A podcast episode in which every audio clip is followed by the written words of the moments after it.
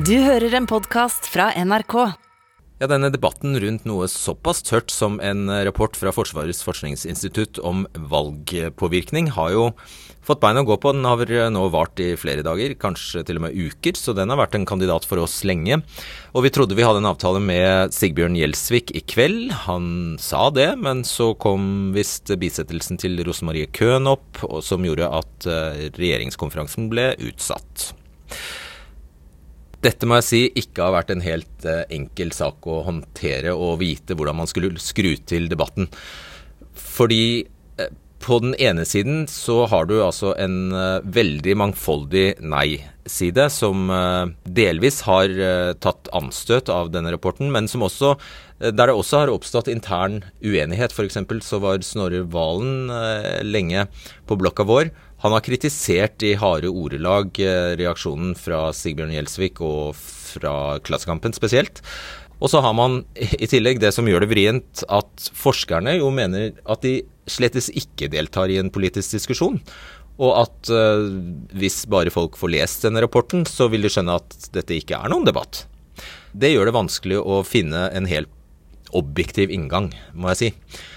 Og så er det det at uh, når temaet nettopp er hvem som er mest eh, sårbare for påvirkning og hvordan den kan oppstå, så kan vi ikke bare henvende oss til den tradisjonelle eh, nei-sida, som eh, jo vel ja, grovt sagt består av fagbevegelse, eh, venstreside og bønder. Vi er da nødt til å snakke med de som utgjør den nye nei-sida, som er antiglobalister, som kanskje er kritisk til innvandring, som er kritisk til overnasjonale organer osv. Og det er det vi gjør. Vi har invitert lederen for den nystartede Norexit-bevegelsen, eller organisasjonen, som altså skal jobbe for å få Norge ut av EØS. Og vi har invitert Torgny Bakken, som er eh, eh, fylkesleder for Demokratene. Og grunnen til at vi gjør det, er nettopp for å vise hvor mangfoldig nei-sida etter hvert er. At det er litt for enkelt å bare si kategorisk at eh, hederlige og anstendige nei-folk de lar seg ikke påvirke fordi de springer ut fra eh, en tradisjon. Eh, nei, etter hvert så springer nei-folk ut av veldig mange tradisjoner. Og hensikten her er vel egentlig å oppmuntre til en diskusjon blant de som da har det til felles at eh, de er nei til både EU og EØS. Forskerne stilte seg spørsmålet hvem kan ha interesse av å skape en stor politisk omveltning i Norge? Hmm, jo, Russland kan det, tenkte forskerne. Hva er så den mest realistiske omveltningen Russland kan få til i Norge? spurte forskerne. Vel, ikke at vi går ut av Nato. Antagelig heller ikke at vi blir med i EU. Men at vi går ut av EØS. Ja, tenkte forskerne. Og hvem vil Russland så kunne bruke for å oppnå et sånt mål? Jo, Norske EØS-motstandere, selvfølgelig. De kan bli utsatt for russisk manipulasjon, gjerne uten å skjønne det selv, mente forskerne. Og da nei-folket hørte forskerne si at de kunne bli nyttige idioter for fienden, rant det over for dem, og Senterpartistatsråden ville ikke høre på forskerne. Per Olaf Lundteigen, du er stortingsrepresentant for eh, Senterpartiet. Kommunal- og distriktsminister Sigbjørn eh, Gjelsvik, tidligere Nei til EU-leder, eh, kunne ikke komme. Jeg er veldig glad for at du eh, er her. Og du mener omtrent det samme som Gjelsvik i denne saken. For denne rapporten den, den syns du rett og slett ikke noe om? Altså Det som er poenget med rapporten om utenlandsk påvirkning, er veldig viktig. Og så er det dessverre da brukt et scenario som er en utrolig viktig del av norsk demokratisk politisk debatt, nemlig EØS-avtalen. Og så er det sterke karakteristikker i den eh, rapporten om det scenarioet som innebærer at en i praksis som EØS-motstander blir mistenkeliggjort. Og det er jo nettopp det som er utenlandske interesser sin interesse, å skape splid og konflikt internt i Norge. Så jeg. Mistenkeliggjort for hva? Ja. Mistenkeliggjort for hva da? Mistenkeliggjort for at uh, vi som er EØS-motstandere, at uh, vi kan gå i andres ærend. Vi har jo hele tida hatt våre klare meninger om det her sånn, og argumenterer saklig i et demokratisk ordskifte. Og Det er jo noe av det beste i demokratiet, at vi får fram ulike meninger. Og så går dessverre forskerne i den fella at de bruker altså en dagsaktuell politisk debatt for å synliggjøre dette her sånn. Og jeg kjenner jo så mange militære ledere som vil jo advare nettopp å gå inn med scenarioer på den måten. Og du Føler du deg stemplet som Russland-vennlig? Nei, nei, altså jeg har veldig, veldig trygghet i forhold til standpunktene. Jeg har vært med på denne diskusjonen her fra 1988 sammen med Kristen Nygaard, en tidligere forsker ved FFI, en glimrende demokrat og en lynende intelligent leder av Nei til EU, som brakte oss fram til seier, sånn at vi holder Norge utenfor Den europeiske union. Eh, da, Heming Olavsen, du er eh, leder for SVs EU- og EØS-utvalg og tidligere leder i Nei til EU. På Facebook skrev du jeg vil ha Norge ut av EØS. Det har jeg ment siden vedtaket om EØS-innmelding i 1992. Har jeg altså de facto vært en agent for utenlandske, les russiske interesser i 30 år? Forskning my ass! Skrev du. og hvordan skal vi tolke det? Det er jo lov å være litt uformell på Facebook, kanskje. Men eh, SV har altså vært mot denne avtalen i 30 år. Og det handler om, eh, Kjerna i det er at vi ønsker at norske folkevalgte skal bestemme i Norge. Og det har det norske folk også sagt i to folkeavstemninger. Eh, allikevel så opplever vi nå en slags mistenkeliggjøring gjennom denne rapporten. For den har overskriften som du var inne på, omveltning. Og er det det å ville erstatte EØS med en handelsavtale er noen form for omveltning? Det er overhodet ikke. Det er snakk om å bringe demokratiet tilbake til norske folkevalgte. Det er det EØS-motstand eh, handler om. Men Olaussen, det er et scenario det er fiksjon, det er diktning. Ja, det er fint du sier det, at det er diktning, for de har vært veldig flinke til å dikte. Men de dikter altså inn i en eh, reell politisk kamp i Norge. Og dermed kastes det slør over hva vi holder på med, vi som er seriøse EØS-motstandere. Jeg vil stille det problemet motsatt. Hvis jeg var russisk spionsjef og titta inn på Norge og denne debatten, da ville jeg prøvd å påvirke ja-sida. For hvis det er noe som vil være omveltning i Norge, så vil det være en ny folkeavstemning om EU-medlemskap. Det vil skape motsetninger, det vil skape polarisering. Det som forskerne peker på at russerne eventuelt er ute etter. Mm. Mari Skurdal, du er ansvarlig redaktør i Klassekampen, og du eh, mener at motstanderne av EØS nå blir sauset sammen med covid-fornektere og høyreekstreme. Hva er det som har fått deg til å rykke ut og forsvare Gjelsvik, for det har du gjort?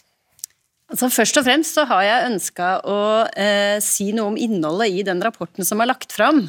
Eh, og Gjelsvik reagerte jo på innholdet, og departementet har også gitt tilbakemeldinger til FFI om at de reagerer på innholdet. Og det er jo nettopp den, det her bildet av at det rike norske organisasjonslivet, eh, distriktsbefolkning, lokaldemokrati rundt omkring i, i, eh, i eh, distriktene og, og, norske kommuner, at det er der eh, et utenlandsk påvirkningsaksjon vil, vil angripe. da. Og, eh, og, med i det bildet her, som jo er veldig spesielt, fordi det, de skulle jo svare på hva som er utfordringene fram mot 2025, altså det neste tid, ja. stortingsvalget. Dette er veldig kort tid. Så eh, jeg ville jo gå inn og se på hva, hva slags scenario dette var. Og jeg mener at de er ekstremt overdrevne. Altså, vi skal få en folkeavstemning om EØS før 2025. Vi får eh, en kampanje som mener at vi ikke kan stole på det norske stortingsvalget om tre år. Eh, og så mener jeg det at det, er et verdensbilde i disse scenarioene som handler om at trusselen mot demokratiet kommer nedenfra. Eh, hvor de tegner opp helt adekvate standpunkter, bl.a. fra EØS-motstandere, som, eh, som, da blir på en måte lagt under mistenkelighetens lys. for Vi kan jo ikke vite om det er noen som egentlig har påvirka de, eller det kom, hvor det egentlig kommer fra. Da. da hører vi med reportforfatteren Eskil Grendal Sivertsen, du er spesialrådgiver og forsker ved Forsvarets forskningsinstitutt. Historien her er at dere fikk to oppdrag egentlig fra Solberg-regjeringen. Den første, Dere avla først en, en rapport som Eh, skulle finne ut, der du skulle finne ut om utenlandske aktører hadde blandet seg i stortingsvalget 2021. Det fant dere ikke bevis for, eller funn, funn som understøttet. Og Så kom denne rapporten her nummer to, da, som vi snakker om nå, der dere skal eh, beskrive hvordan informasjonspåvirkning eller påvirkningsoperasjoner eh, i forbindelse med norske valg kan foregå. Så du blir egentlig bedt om å dikte. Du blir egentlig bedt om å, om å ja, bruke fantasien. Og hva er det da som gjør at du av alle ting ender med å beskrive en situasjon der EU, Norge går ut av EØS? Det er jo fordi vi har en eh, altså, Vi ble bedt om å spenne opp mulighetsrommet for hvordan kan aktører bruke påvirkning i forbindelse med norske valg, uh, uten begrensninger. Det gjelder ikke bare utenlandske, men også norske. så alle. Og Det mulighetsrommet ser vi jo gjennom metoden som vi har brukt, morfologisk analyse, er jo ekstremt stort. Det er jo nesten bare fantasi og, og teknologi og kompetanse som setter Klarer du å forklare morfologisk analyse på, ja, er, med to andre ord? Eh, veldig lett forklart så er det en metode som vi bruker på FFI og i forsvarsplanlegging og i scenarioutvikling for å ta noe som er veldig stort og komplekst, og koke det ned til noe som er mer håndterlig. Mer interessert er vi ikke. Du kan, du kan fortsette. det var en nerdesamtale. Ja. Um, så, uh, og der, har vi jo definere, der definerer vi da tre scenarioklasser, som vi kaller det, ut ifra hvilke mål kan en aktør forsøke å oppnå. Vi legger jo da til grunn Ingen vil forsøke å drive påvirkning i forbindelse med valg bare for gøy, men vi vil gjøre det for å oppnå et eller annet. Og Da har vi definert tre scenarioklasser, og det er basert på mål. og Det er politisk omveltning, politisk endring og svekket tillit til samfunnet. Og så er det viktig å si at Dette er deskriptive kategorier, det er ikke normativt. Hva betyr det? Det betyr at uh, vi ligger ingen verdi i det. Det er et, et navn for å beskrive, uh, for å kunne skille klassene fra hverandre. Vi kunne i stedet for politisk omveltning eller la meg spore tilbake, Politisk omveltning er for å kunne si noen endringer, politiske endringer, noen mål, større og vanskeligere å oppnå enn andre. Ja. Det lett, og, da, ja. Eh, og, det er ikke du som sier at det ville uh, være en stor politisk omveltning. Du mener at det er den, den som prøver å påvirke, som vil definere det. Altså ja. I dette tilfellet f.eks. Russland vil mene det er en stor, stor omveltning om Norge går ut av EØS. Ja, så det, det er et, et, skritt der. Så Vi har beskrevet hva mener vi med politisk omveltning. Da har vi sagt det er eh, politiske endringer som kan få store og langsiktige konsekvenser for Norge. F.eks. endring av styresett. Eh, F.eks. Norge ut av EØS-avtalen, Norge inn i EU, Norge ut av Nato. Eller andre, og Man kan sikkert tenke på mange flere forskjellige forhold som kan få store og langsiktige konsekvenser for Norge. Eh, så dette er noen eksempler. Og Hvorfor ikke ta det som Olaussen sier, det hadde jo vært en mye større, det skjønner jo alle egentlig, det hadde vært mye mer dramatisk i norsk historie om Norge ble med i EU enn om vi gikk ut av EØS? Ja, vi kunne skrevet scenarioer på, på, på, på, mye. Eh, det vi tenkte her var, ok, hva, Når vi ser på trusselbildet, så har eh, eh, PST og E-tjenesten pekt på Kina og Russland som de aktørene som er mest sannsynlig statlige aktører som kan forsøke å påvirke mot valg i Norge. Og Hva er det realistisk å tro, eller sannsynlig å tro at de ønsker å oppnå? En aktør som f.eks. Russland vil ha ønske å splitte land. Eh, og legger, Da legger vi til grunn et scenario hvor eh, Russland, ikke vi, mener at hvis vi forsøker å få Norge til å melde seg ut av EØS-avtalen, så vil vi svekke Norges tilknytning til det europeiske fellesskapet. Og det vil tjene Russland? Og det vil tjene Russland å svekke og splitte land. Eh, det ser vi jo måten de opererer på. Og, det, og Derfor så skrev vi da et scenario som må understreke er en, et eksempel på hva slags metoder og virkemidler en aktør kan bruke for å oppnå målene i den klassen. Du har gått i krigen for å forsvare denne rapporten, men du, dere må ha skjønt hvilken krukke dere stakk henda inn i? Ja, fordi det vi eh, et, eh, Det som gjør EØS-scenarioet relevant for oss å beskrive, er nettopp at må, vi må ha en sak som både tilfredsstiller kravene i den scenarioklassen, og kan være egnet til å bli utnytta til, eh, til påvirkning. Og da, sånn som for da Russland opererer, så går man etter saker hvor det er høyt engasjement og mye følelser, hvor eh, man kan fyre opp, uh, fyre opp, debatten. Så det var med overlegg at dere valgte den kanskje den mest betente debatten av alle i norsk politikk? Ja, det var for å vise et eksempel på en sak som vi tror kan ha det potensialet. Har det gått sånn som du trodde? Jeg tenker jo at Den debatten vi fikk, eh, kanskje illustrerer at dette er en sak som har så høyt engasjement at den kan være en av mange saker som kan brukes. Så du ler litt i skjegget? Nei, jeg syns dette er alvorlig, og det er mange saker. og Det handler jo egentlig ikke, det handler jo ikke om EØS. Eh, bare for å legge til, eh, Det er jo helt legitimt å være mot EØS, eh, og jeg er helt enig med Lundteigen når han sier at vi skal ha en åpen, fri, kritisk debatt. Det skal vi ha, det grunnfjellet i demokratiet. Men når den frie, åpne, kritiske debatten blir infiltrert av andre aktører som manipulerer den uten at vi er klar over det, da har vi en situasjon, og det er det vi forsøker å belyse. Ine Riksen, Søreide, du er stortingsrepresentant for Høyre, er med oss fra Berlin i kveld fordi du er på komitéreise med utenriks- og forsvarskomiteen som du leder. og Du var veldig tidlig ute og slaktet måten Senterpartiet og kommunalminister Gjelsvik tok eh, imot denne rapporten på. Hva var det du reagerte på? Det jeg først og fremst reagerte på, var jo begrunnelsen for å ikke publisere rapporten på departementets nettsider. Det er ikke uvanlig at rapporter ikke publiseres, men det var heller ikke poenget her. Poenget var begrunnelsen. Og den Begrunnelsen kommunalministeren ga, det var jo at uh, han mente at hvis forskerne skulle gi den type begrunnelser for EU eller for EØS, så kunne de like godt melde seg inn i et politisk parti eller en organisasjon, og ikke pakke inn dette som såkalt forskning. Jeg synes Det er veldig alvorlig at den statsråden som har ansvaret for valggjennomføring i Norge, er den statsråden som også undergraver uavhengig og fri forskning, som er bestilt av hans eget departement nettopp for å gjøre oss oppmerksomme på den type risiko vi kan møte i gjennomføring av valg i Norge. Og så gikk jo åpenbart alarmen på statsministerens kontor, for da eh, han mandag ettermiddag måtte legge ut denne rapporten på nettsidene, så la de jo også til en begrunnelse som viser at de absolutt ikke forstår hva påvirkning av valg og påvirkningsoperasjoner er. For Da skriver kommunalministeren at eh, dette var eh, kritikkverdig, eller at denne rapporten var kritikkverdig fordi den bidro til å blande fiksjon og fakta, eh, og at folk kunne tro at dette var en sårbarhet i valggjennomføring i Norge. Og Hele poenget med påvirkningsoperasjoner er jo nettopp at de blander sammen fiksjon og fakta. Og dette er en sårbarhet ved valg både i Norge og i alle andre vestlige land. Vi er ikke immune mot den type påvirkningsoperasjoner. Det er heller ikke noe annet land. og Derfor så må vi være veldig årvåkne. og Det bidrar jo ikke eh, statsråden med ansvar for valggjennomføring til, snarere tvert imot. Og Jeg syns det er veldig påfallende at eh, i debatten som vi har i kveld, det er litt forsinkelse på lyden her, men jeg prøver meg igjen. Eh, den debatten vi har i kveld, der er det ingen fra regjeringa som er villig til å stille. Verken fra Kommunaldepartementet, som har ansvaret for valggjennomføring, eller for, fra Justisdepartementet, som har ansvaret bl.a. for sammensatte trusler og samfunnssikkerhet.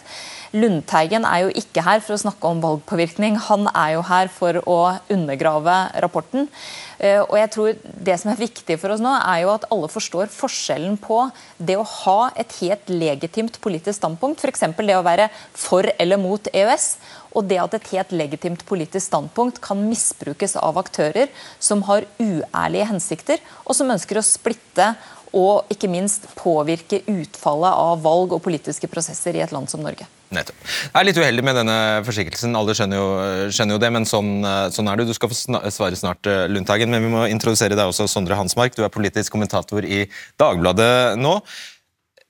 Ja, Ine Eriksen Søreide sier her at, riktig, at statsråden Gjelsvik oppfordret forskerne til å melde seg inn i en organisasjon eller et politisk parti i stedet for å pakke det inn i en forskningsrapport. og Den uttalelsen var det også du reagerte veldig sterkt på. Hvorfor det? Nei, Det er jo helt oppsiktsvekkende. sant? Og Det er jo en form for å drive med diskreditering av forskning som er helt legitim. og Jeg kjøper ikke argumentet om at dette er et, helt, et scenario som er helt usannsynlig. Vi har jo hatt to folkeavstemninger i Norge om vårt forhold til EU, og befolkningen var delt på midten. Det er ikke usannsynlig at det kan skje igjen, og at i en sånn folkeavstemning så kan fremmed, eh, fremmedmakter prøve å påvirke hvordan den debatten foregår. Og Det som har skjedd siden sist folkeavstemning vi hadde i 1994, det er jo at Russland er blitt veldig mye mer aggressivt, og vi har fått sosiale medier i løpet av den tiden. Og jeg tenker Det er så utrolig bunnløst naivt å ikke tro at den debatten kan infiltreres av aktører som Kina og som Russland. Det er noe som er veldig spesielt med å stå på en side og være veldig sikker på at deres side i politikken ikke kan bli angrepet og infiltrert av folk som driver med konspirasjonsteorier. Jeg tror på ingen måte at alle som er mot EØS er konspirasjonsteoretikere, men jeg tror at veldig mange konspirasjonsteoretikere er mot EØS. Og Hvis man ikke ser det, så har man en veldig svak sikkerhetspolitisk analyse som ligger til grunn. Lundtagen først. Vi har hatt krevende sikkerhetspolitiske situasjoner tidligere. Og Det som er da den norske tradisjonen, det er at ikke minst forsvar Forsvaret og Forsvarets forskningsinstitusjon ikke skal eh, medvirke til her at vi kommer i en mer krevende og kritisk situasjon.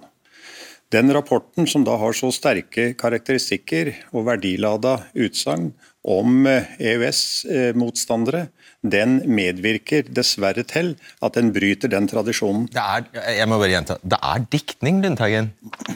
Det er diktning. Ja, Her skal vi se hva som er, her skal vi se hva som er, her skal vi se hva som er diktningen, er programleder, hvis jeg kan referere til hva som faktisk står. En fremmedstatlig aktør har som mål å isolere Norge fra det europeiske fellesskapet. En utmelding fra EØS-avtalen vil være et betydelig skritt i den retning. Som strategi velger aktøren å forsterke proteksjonistiske og nasjonalistiske holdninger og den økte misnøyen mange nordmenn opplever pga. økte strømpriser med mere. Planen er å skape et narrativ om at EØS-avtalen er årsaken til problemene. Det her er langt ifra diktning. Dette her er jo ord som i sin mening og betydning er med på da å skape en krevende situasjon, og medvirket altså til at det, det som skal forhindres, det blir i virkeligheten i sterkere grad fremma. Ja, jeg forstår ikke det. Eh, Dette er et scenario hvor vi beskriver hvordan den statlige aktøren eh, går fram, hva den ønsker å oppnå, og hvordan den statlige aktøren re- resonnerer. Eh, Og Her forsøker man å skape og knytte alle, all misnøye i Norge til EØS-avtalen. Eh, Og Det er et scenario hvor de går inn og, og forsøker å få til det. Ja, det, står, det står jo her at du sier at en fremmedstatlig aktør har som mål å isolere Norge fra det europeiske fellesskapet. Så tas det inn sammen med EØS-avtalen, og at EØS-avtalen, hvis den ikke har det, men en handelsavtale, så er det å isolere Norge fra det europeiske fellesskapet. Det er jo en beskrivelse som, som eh, har problemer med det faktiske grunnlag. Man kan gjerne være uenig i, i, i om EØS-avtalen vil medføre isole, mer isolasjon fra det europeiske fellesskapet, men dette er ikke vi, vår påstand. Dette er scenarioet hvor den sta- fremmedstatlige aktøren resonnerer Dere som velger følger. å gå inn i en av de mest eh, sentrale og viktigste politiske debattene i et spørsmål som har med utenlandske aktørers påvirkning av den norske debatten. dere Dere er klar over hva som blir konsekvensene? Mari Skurdal, du, eh, skal, vi skal få inn eh, tre, tre andre her. Dere kan bare komme inn her. Men Ma- Mari Skurdal, du, mener, altså, du, du var inne på det i sted. Du mener å se at forskerne gir uttrykk for en, en forakt overfor noen grupper. Kanskje noen sosioøkonomiske grupper? Er det sånn å forstå? Altså jeg ser i hvert fall at uh, de som er uh, hva skal man si påvirkbare da, av, uh, av utenlandske makter som vil komme og styre og forsterke konflikter i Norge, det er liksom det er vårt rike organisasjonsliv, det er grasrotbevegelsene og, og, og folk rundt omkring. Og jeg tenker jo omvendt. Jeg tenker at nettopp det rike organisasjonslivet og den fantastiske evnen det norske folk har til å delta i debatter, både på Facebook, i avisene og overalt, det er jo det som skal være styrken vår i møte med, med nettopp denne påvirkninga. At vi har åpenhet, at vi ikke mistenker hverandres intensjoner, f.eks. At vi ikke stempler hverandre unødvendig, men har debatten på et saklig nivå. Så du vil være uenig i beskrivelsen av hvordan en slik dynamikk faktisk foregår også? Altså, det er jo ingen her som mener at det ikke kan forekomme utenlandsk påvirkning. Eh, rapporten du skrev i fjor, som baserte som VA-forskning, som undersøkte hvordan påvirkningen hadde vært på valget eh, i 2021, den viste jo at det knapt fantes, og at det ikke påvirka valget i noen grad. Det er det vi vet. Eh, I scenarioene så skrus det opp. Der er det eh, helt liksom Der kan alt skje. Og de som det vil skje med, de som er på en måte manipulerbare og nyttige for, eh, for fremmede agenter, det er det rike grasrotmiljøene rundt omkring i Norge. Skjønner. Og hvis du mener noe sterkt om denne saken, eller om du har tips til hvordan man kan unngå å bli lurt på nett og i sosiale medier, gå inn på NRK Fredrik, eh, .no Fredrik Solvang, blir med i diskusjonen der.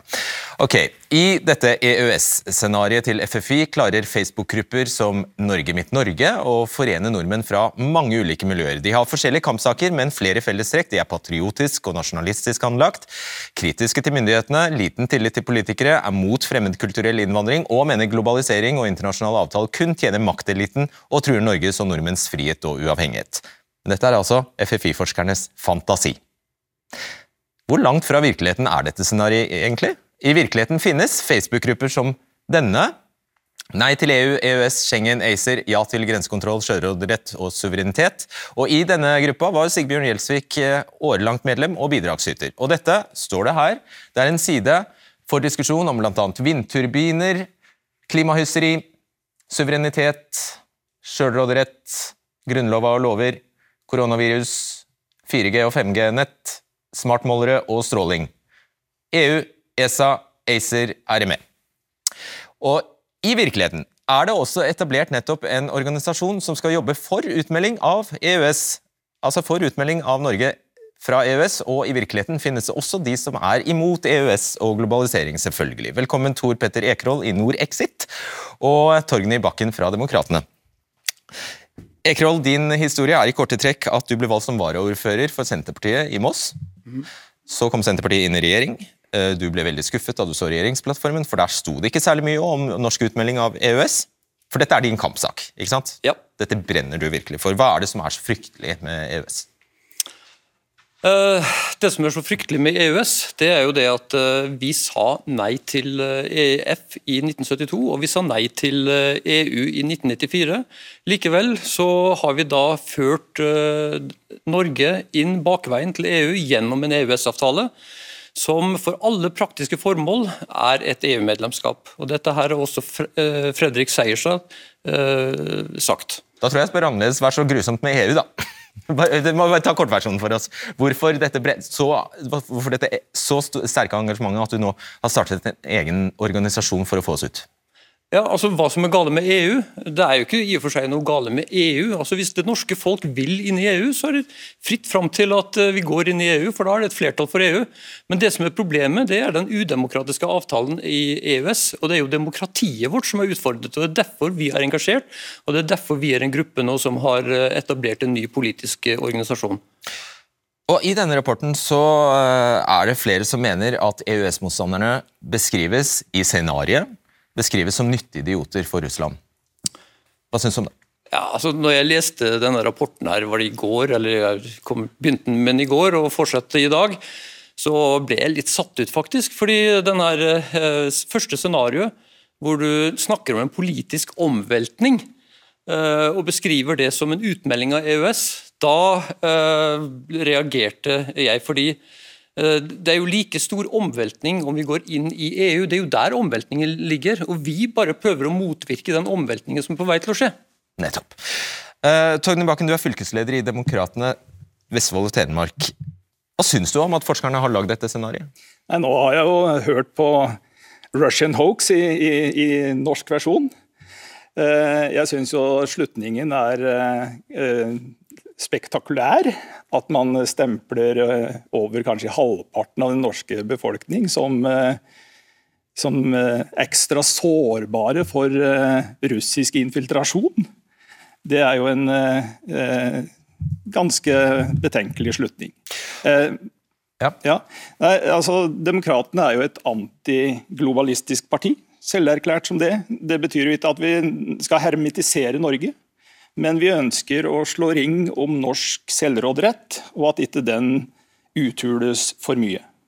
Og det er, Hvis man skal prate om infiltrasjon av norske politiske miljøer, da bør man heller vende blikket mot de organer internasjonalt som er makthaverne vi aldri valgte. Da Hva snakker, du om? Hva snakker du om da? Da prater vi om FN, da prater vi om World Economic Forum, og jeg prater om våre sentrale eh, politikeres bindinger til disse organisasjonene. Eh, og hvorledes det påvirker norsk politikk utenfra. Så EØS er bare ett av flere overnasjonale organer du bare vil ha oss ut av? Ja, det er riktig. Uh, ja, bare for å ta et eksempel. De fleste nordmenn forbinder bare positive, stort sett positive ting med, med FN. Demokratene mener det er en direkte konflikt mellom FNs bærekraftmål og norske interesser, faktisk? Ja, definitivt. Eh, men, men, vi kan gå tilbake til, eh, til, 1991, eh, når det skjer noe maktpolitisk i FN, hvor den største maktblokken, Sosialistinternasjonalen, hvor for øvrig vår egen statsminister er dypt involvert i gjennom mange år på den tid, hvor de eh, går inn i forbund med Organization of eh, Islamic States, som er den nest største maktblokken. Og Disse to mektige bakenforliggende organisasjonene de styrer altså de politiske narrativene i FN. Ok, Jeg tror jeg avbryter deg, for her er det at mange vil si at nå, det du presenterer nå er en konspirasjonsteori. Ja, men Dette kan man jo gå inn og studere. Eh, FN har jo da 193 medlemmer, og eh, ethvert land har én stemme. Da kan man bare begynne å telle opp hvorledes flertallet i FN dannes. Jeg bare raskt uh, til deg, Olaussen. Det dette viser, det, dette brede, forholdsvis brede panelet vi har bare her i kveld, viser, er jo at nei til EØS-gjengen er etter hvert veldig stor. Du må være kort nå, men den er bare veldig, veldig vid og bred. Jo da, men det er veldig ymse for å si det sånn. Og den organiserte EØS-motstanden gjennom mange år har bestått av Nei til EU, SV, Senterpartiet og Rødt. Det er de fire seriøse organisasjonene som står for og som er akseptert som normale partier og organisasjoner i det norske politiske landskapet. Så for demokratene og andre, de får holde sine særargumenter. Greit. Da skal vi introdusere Bente Karlsnes. Du er eh, medieforsker ved Høgskolen i Kristiania. Eh, mange mener veldig mye om EU og EØS eh, i, i Norge. Hva, eh, hva, skiller egentlig en mening fra en konspirasjonsteori? Ja, hvis vi begynner med en konspirasjonsteori, så blir det gjerne forklart med at det er en sammensvergelse, og gjerne mellom et sett med eliter. Og Det har en plan, eh, det har en agenda, eh, og den eh, blir, altså alt dette her blir planlagt i, i hemmelighet. Er det vrøvl?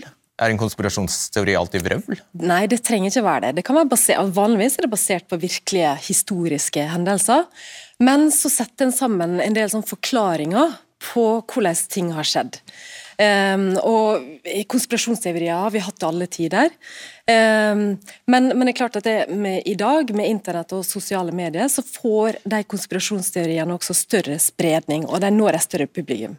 Og det her kommer inn at Sigbjørn Gjelsvik var raskt ute og sa at denne rapporten eh, er egnet til å legge grunnlaget for konspirasjonsteorier. Har han rett i det?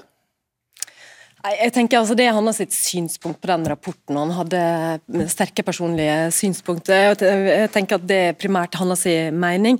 Eh, men det vi vet, det er at eh, sterke altså politiske konflikter det er av det som kan gjøre at, eh, at flere kan bli utsatt for påvirkning, i den forstand at en, det er en konflikt som kan skape sterke følelser og provokasjoner. Og det kan også gjøre at en i større grad kan bli utsatt for konspirasjonsteorier. fordi at det, da er det følelsene som kanskje styrer i større grad enn rasjonell tenkning. Og Er det, det det, dere har tenkt? At nettopp i den mest opphetede debatten så blir man eh, så, så, kan man være mer sårbare for, eh, for eh, konspirasjonsteorier? Ja, Det blir jo det en av mange dynamikkene som gjør at sånne type påvirkningsoperasjoner kan få effekt og, og, samle folk, nettopp fordi at det blir mye følelser involvert, og derav valget EØS. Og så vil jeg gjerne få gjenta at Vi har jo ikke stempla EØS-motstandere som problematisk. Det er saken EØS-spørsmålet som er kjernen her. Uh, og det er bare kan du utelukke at, uh, kan du utelukke at du, er, eh, at du selv er, kan bli utsatt for påvirkning? Nei. Nei. Hvorfor, men hvorfor, hvorfor, reagerer du da på den måten du gjør? Sjølsagt så blir vi utsatt for påvirkning. Men det som er poenget her, er at det er Forsvarets forskningsinstitutt som virkelig har en objektiv historie å være nøkterne og ikke medvirke til mistenkeliggjøring som kan skape splittelse og sprid. Altså, Jeg har ikke så lang tid i Forsvaret, men Forsvaret har jo hele tida vært veldig nøye på her sånn, at den skal være så objektiv som mulig. Og det å trekke inn EØS som en omveltning og gi inntrykk av at de kreftene som er der sånn, innebærer et problem for det norske samfunnet. Ja, Det er jo det som er, er, er kjernen i det som blir, blir beskrevet. Og, og altså, Forsvarets forskningsinstitutt må gjerne mene det, men det er ikke bra for renommeet deres. Veldig kort. Nei, det er ikke det vi sier. Vi beskriver et scenario hvor vi har et eksempel på en politisk betent sak som en fremmedstatlig aktør kan komme opp og fyre opp folk. Det kan være mange andre saker, det kan være innvandring, strømpriser, mange andre ting. Og så tror ikke du at det grasrotengasjementet og det breie politiske engasjementet, og hvor Nei til EU har vært helt klar hele tida at rasister og sånne ekstremister ikke er velkommen, at vi være, ikke vi skal være robuste nok for å takle det her sånn, så at vi ikke skal få den negative påvirkningen. Det er ganske sterkt, altså. Jeg tror ingen, ingen er robust mot det. Verken EØS-motstandere eller EU-tilhengere. Vi har en så robust organisasjon fordi at du har nettopp de mange som ut fra sin livserfaring kan se her hva er som er konsekvensen av EØS-avtalen, og påpeker det. Ok. Uh, vet du hva, Jeg, det er fælt å si det, men uh, vi må bytte panel. Jeg sier tusen takk for at dere kom, og mens vi gjør det, så skal du få slippe til hvis du er kjemperask, Ine Eriksen Søreide. Ja, Det er jo utrolig pinlig og utrolig skremmende å høre på særlig Lundteigen, som jo ikke har forstått hva dette dreier seg om i det hele tatt. Altså, her dreier det seg om at et standpunkt som er ja til EU, like mye kan sette fyr på debatten som å være nei til EU eller nei til EØS. Og Hele poenget med det FFI her gjør, det er jo å trekke opp et så bredt spekter som overhodet mulig for å se på hvilken mulig risiko som kan treffe oss i valget. Og Det eh, Lundteigen gjør ved å undergrave det, er jo både å fornekte forskninga, men det er jo også å gjøre oss mer sårbare for en mulig påvirkning av valget. Fordi man nekter å forholde seg til scenarioer man er politisk uenig i. Jeg synes det, det, var, det har vært nesten helt absurd å følge den debatten og høre på det som har blitt sagt i studio. Fordi det viser virkelig at eh, Senterpartiet og Lundteigen overhodet ikke forstår hva mulig uønska valgpåvirkning dreier seg om. Og jeg syns fortsatt det er helt utrolig at ingen av de ansvarlige statsrådene eller departementene som faktisk skal holde på med dette ekstremt viktige arbeidet, stiller i denne debatten i dag. Så, hvem har egentlig ansvar for å fange opp, forhindre og reparere forsøk på valgpåvirkning i Norge? Velkommen, Sofie Nystrøm. Eh, du er direktør i Nasjonal sikkerhetsmyndighet. Håper stemmen er litt bedre i dag? Det er mye bedre. Ja, se der, ja. Nydelig. Hva gjør NSM helt konkret for å avdekke mulig valgpåvirkning? Vi har en rekke verktøy og tiltak vi gjør rundt valg og påvirkning generelt. F.eks. sosiale medieberedskap, hvor vi hjelper de som har falske eh, kontier, Eh, falske profiler opprettet, til å ta ned dem. Vi prøver så tidlig som mulig å forhindre fotfeste rundt disse påvirkningsoperasjonene. Eh, vi jobber tett med PST og Etterretningstjenesten og politiet i forhold til å kunne lage analyser og se situasjonsbildet. Eh, vi jobber tett med rådgivning opp mot politikere, opp mot media. Og jobber selvfølgelig også tett med valgsystemet, altså Valgdirektoratet, som har ansvaret for gjennomføring av valget.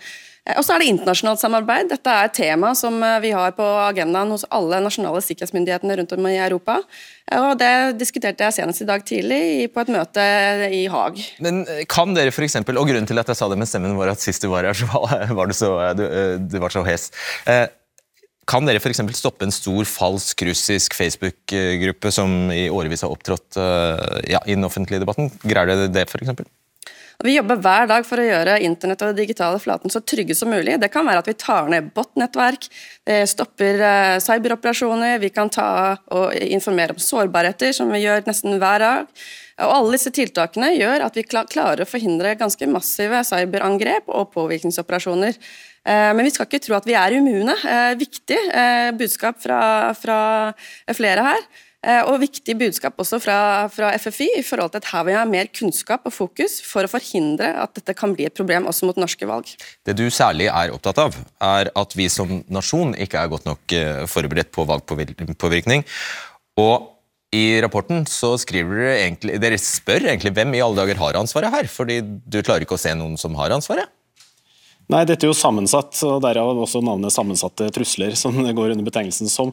Eh, to ting viktige fra konklusjonen i rapporten. Det ene er at vi må forstå valgpåvirkning som mye større og bredere enn at det bare handler om påvirkning av selve valggjennomføringa i den perioden det foregår.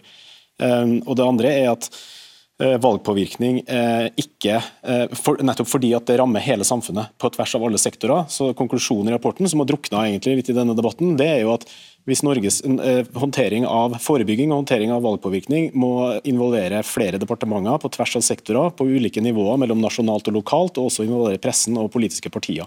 Eh, Men det er ett departement du mener absolutt burde ha vært her. Det mener jeg også, helt klart. At Justisdepartementet burde eh, vært her. fordi det er det mest naturlige stedet å opprette en enhet, f.eks., eller å legge det helhetlige ansvaret. Ja, vi, vi, er jo en, en, verden hvor vi har lenge kunnet altså, forholde oss til verden gjennom sånn som vi har organisert oss. Det har gått veldig bra. Nå ser vi at vi som nasjon blir utsatt for uh, trusler som er veldig sammensatt i det gråsonefeltet, hvor det er veldig uklart hvem har ansvaret for hva. Og Da er det ikke lenger alltid uh, hensiktsmessig å pluk, dele opp det i stykker og så delegere ut det til de ulike sektorene, de ulike aktørene. Noen ting krever koordinering og samarbeid mer enn det vi har i dag, og det peker jo også rapporten på. og Der har jo Justisdepartementet det koordinerende samvirkeansvaret. Ja, Men tar de ikke det ansvaret? Koordinerer de ikke dette? Det foregår masse jobb, men er ikke jeg, det, det er jo ikke det vi har eh, forska på. Vi peker jo på at dersom vi skal ta valgpåvirkning og den type utfordringer på alvor, så krever det et annet type rigg enn det vi har på plass eh, i dag. Ja, og Er det sånn å forstå at vi da ikke hadde greid å gjøre noe med det før det var for sent? Det vet vi jo ikke. Vi har jo eh, Nei, ja, altså det er jo to ting her. Det ene er jo det tekniske, eh, som, som Nystrøm snakker, snakker, mye om. Eh, og NSM gjør en kjempejobb der. Eh, ta ned botnettverk, falske konto og alle disse ting. Eh, det er kjempesvært. Men så har du det menneskelige, og det er jo der effekten oppstår. Så hvem har ansvaret for å sørge for at ingen klarer å svekke tilliten nordmenn har til hverandre, til myndighetene, til pressen? Eh, eller, eller forlede, eh, påvirke politiske standpunkter osv.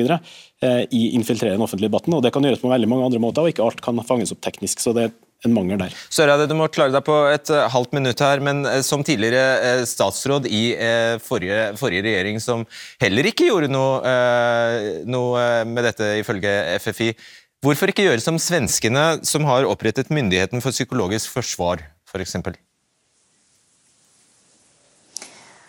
Ja, Det er selvfølgelig én mulighet, eh, men vi gjorde jo faktisk noe i regjering. Vi satte jo i gang arbeidet for å sjekke ut valgpåvirkning. Vi satte i gang det arbeidet som FFI har levert på nå. Vi drev med testing av valgsystemet rent fysisk. Vi advarte mot at valgpåvirkning kunne skje. og Det har jo også etterretnings- og sikkerhetstjenestene advart veldig tydelig mot i sine åpne vurderinger. Og jeg tror Et veldig godt sted å begynne er nemlig å gjøre folk oppmerksom på den reelle risikoen som er der. Ikke avfeie den fordi man er uenig i de politiske konklusjonene, og heller ikke avspore den. Og Da må man tørre å snakke om det som kan sette fyr på den norske debatten. Hvilke ulike scenarioer det kan være, hvordan vi påvirkes, og ikke minst at vi ikke er immune. Og Der har vi alle et ansvar, og der mener jeg det er viktig at FFI har levert den rapporten de gjør. Helt avslutningsvis, eh, Nystrøm, Er det noe hver og enkelt av oss kan, eh, kan gjøre? Er det noen ved vår atferd vi kan tenke på? Ja, kunnskap å følge debatter som dette og sette seg inn i hvordan faktisk trusselaktørene opererer. Eh, bidra i samfunnets ordskifte, eh, sette seg inn i politiske standpunkt. Det er kunnskap som kontrer dette i sum. og Det er jo det som er hovedbudskapet vårt og fra FFI. Ok, Det var en god oppfordring. jeg synes det. Se debatten, f.eks. Eh, før jeg runder helt av, skal jeg minne om at vi også har en Debatten på podkast. Der forteller jeg litt om hvordan vi har tenkt, redaksjonen, da vi laget denne sendingen. Og Den blir klar så snart jeg bare kommer meg ut her og, inn, og opp til pulten min. Vi ses i uka. Jeg har sagt det før og kan gjenta det i kveld. Vi har en stygg uvane i denne redaksjonen med å stappe pølsa altfor full, dvs. Si invitere altfor mange. Og grunnen til at det skjer nesten hver eneste gang, er at vi føler vi vil rekke over så mange aspekter av sakene som mulig. Så mange eh, vinkler og perspektiver som mulig. Og derfor så har det en tendens til å bare bli altfor fullt. Eh, jeg tror som seer og lytter ikke at det nødvendigvis eh, gjør noe, kanskje det bare er en fordel at det er en pletora. Men som programleder og som redaksjon så får jeg bare dårlig samvittighet overfor de vi har invitert. Mange av dem har ofte reist langt, noen har kjørt i timevis for å komme hit, og så blir de avspist med noen få minutter. Og denne gangen tror jeg spesielt det gjelder Tor Petter Ekerhol i Norexit og Torgny Bakken i Demokratene. Så hvis dere hører på nå, jeg beklager det. Det ble sånn, og vi skal prøve å lære av det. Men jeg håper dere hadde en god opplevelse likevel. Og jeg håper at eh, du fikk noe ut av dette, og så håper jeg vi høres til uka. Ha det bra. Du har hørt en podkast fra NRK. De nyeste episodene hører du først i appen NRK Radio.